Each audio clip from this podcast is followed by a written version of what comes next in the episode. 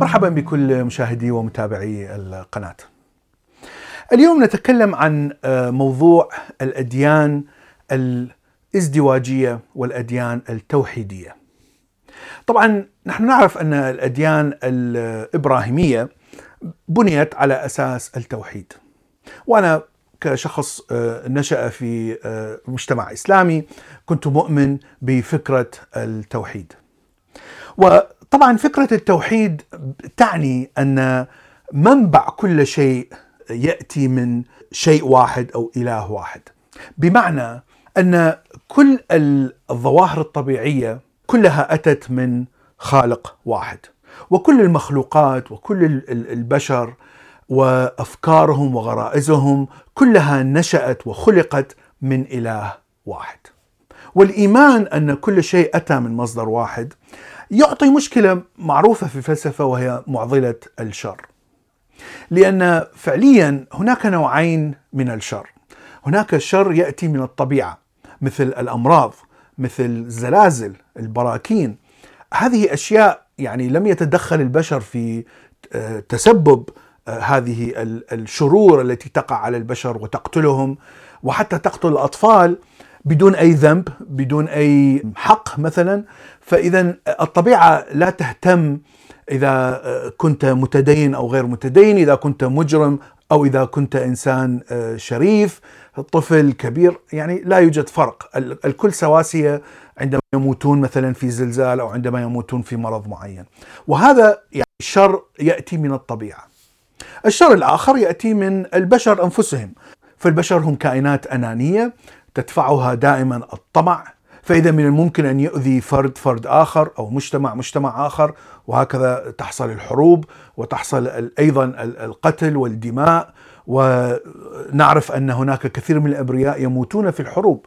فإذا هذين الشرين يجب أن أن تبرر هذه الأديان التوحيدية وجودهما، فمن الطبيعي أن أن هذين الشرين أتوا من نفس الإله. لأن الطبيعة خلقت من الإله، فاذا الإله هو الذي سبب هذه الكوارث الطبيعية. اذا كيف نفسر لماذا يفعل الإله هذه الشرور الطبيعية؟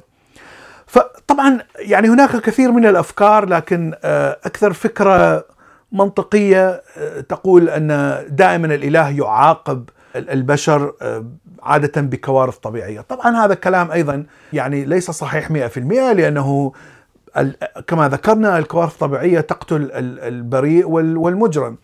الفكرة الأخرى تقول أنك إذا عذبت في الحياة الدنيا فسوف تذهب إلى الجنة عندما تموت. فكرة منطقية لكن تبرر سادية هذا الإله، يعني ليس أكثر، لأنه فعليا يعذب إنسان لم يرتكب أي جريمة حتى يدخله إلى الجنة، إذا هو لم يرتكب أي جريمة فاذا هو سيدخل الجنة، لماذا يتعذب الآن؟ فمن الصعب الإجابة على هذا السؤال من من المتدينين. الشيء الآخر وهو الشر الموجود من البشر هنا اخترعت هذه الأديان شخصية شريرة عادة تكون سوبر تكون جبارة مثل شخصية شيطان أو الإبليس. وهذا الشيطان يستطيع أن يتكلم مع كل الناس في نفس الوقت يستطيع أن يوسوس في صدور بلايين وبلايين من الناس في نفس الوقت. يستطيع أن يدخل الجنة حتى يوسوس لآدم وحواء. فهو سوبر يستطيع أن يفعل كثير من الأشياء. طبعا المشكلة هنا أن هذا المخلوق أيضا خلق من هذا الإله. فإذا الرغبة والإرادة لارتكاب الشر مخلوقة من هذا الإله. فإذا الإله هو مصدر هذه الإرادة التي ارتكبت الشر. وهناك تفسير يقوله المتدين وأعتقد أنه تفسير من المعتزلة يقول أن نية المخلوق إذا كان حر الإرادة هي عبارة عن صندوق بحيث أن هذا المخلوق هو حر الإرادة بشكل 100% حتى الإله لا يتدخل في توجيه هذه الإرادة. لكن طبعا خارج هذا الصندوق تأتي إرادة الإله. فإذا حتى لو أراد الإنسان أن يفعل شيء إذا إرادة الإله خالفت هذا فاذا ممكن ان أن يخالف.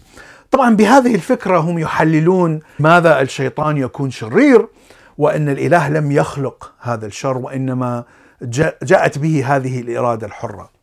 طبعا آه، نفس المشكلة أن الإرادة الحرة أو هذا الصندوق أيضا خلق من الإله وفكرة الإرادة الحرة أيضا خلقت من الإله فإذا النتيجة أن عمل الشر الذي آه، فعلت به هذه الإرادة تعود إلى الإله الذي خلق هذا الصندوق وخلق هذه الإرادة.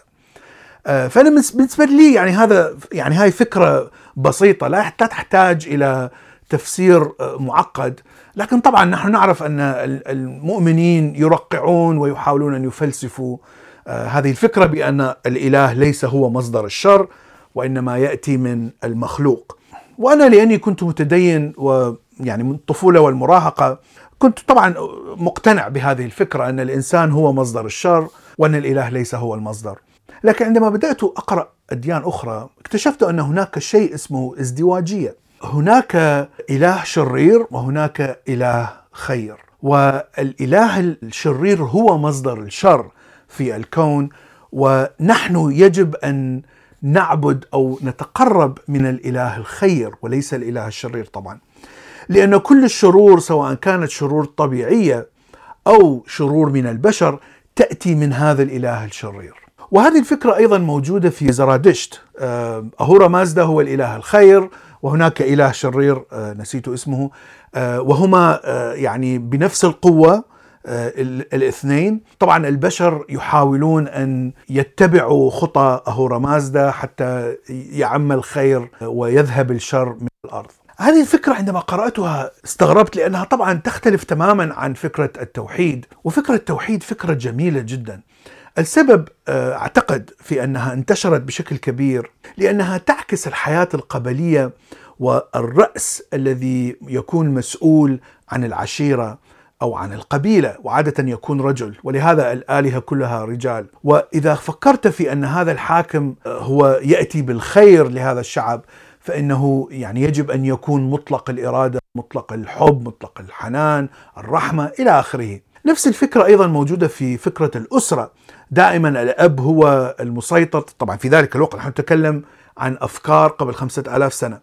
الأب هو المسيطر تماما على أرواح كل الموجودين والأولاد وحتى الزوجة يعتبرون ملك لهذا الأب الذي هو رب الأسرة. ففكرة التوحيد أن هناك إله واحد فقط عادة يكون رجل أو صفات رجل تعكس هذه هذه الأفكار، تعكس هذه الأشياء التي تربينا عليها، فتكون فكرة جميلة جدا ونشعر بارتباط قوي آه، بهذه الفكرة. فعندما نقرأ عن وجود إلهين آه، واحد شر وواحد خير آه هذه فكرة غريبة. هذه فكرة يعني ليست طبيعية آه موجودة في حياتنا. لا يوجد هناك رئيسين مثلا للعشيرة واحد شرير وواحد خير. لكن فكرة انفصال إله الخير عن إله الشر تحل معضلة الشر. طبعا لأن الإله الذي تعبده لا يأتي منه شر لا يخلق شر لا يخلق نوايا شريرة لا يخلق إرادة قد ترتكب الشر.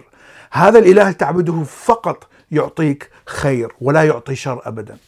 وطبعا الإله الشرير أنت تحاول أن تحارب هذا الإله وتحارب الناس الذين يتبعون هذا الإله الشرير فيصبح هذا الإله الذي فقط مصدره خير إله جميل جدا وممكن أن تدخل في شعائر جميلة جدا لتعبد هذا الإله. طبعا كثير من الأديان آه، فيها هذه الازدواجية مثل الهندوس لأنه لديهم كثير من الآلهة وهناك آلهة شريرة وآلهة خيرة وهم طبعا يعبدون فقط الآلهة الخيرة. ولهذا ترى أن قمة الروحانية عادة موجودة في الهندوس البوذيين لأنها فعليا ترتبط بإله خير فقط أو روح خيرة روح البوذا مثلا هي روح خيرة فقط هي لم تخلق أي شيء ولم تخلق الطبيعة ولم تخلق البشر لكنها روح طيبة تحاول أن تساعد البشر على آه، تحمل الآلام. ولهذا أعتقد أن الأديان الازدواجية فلسفيا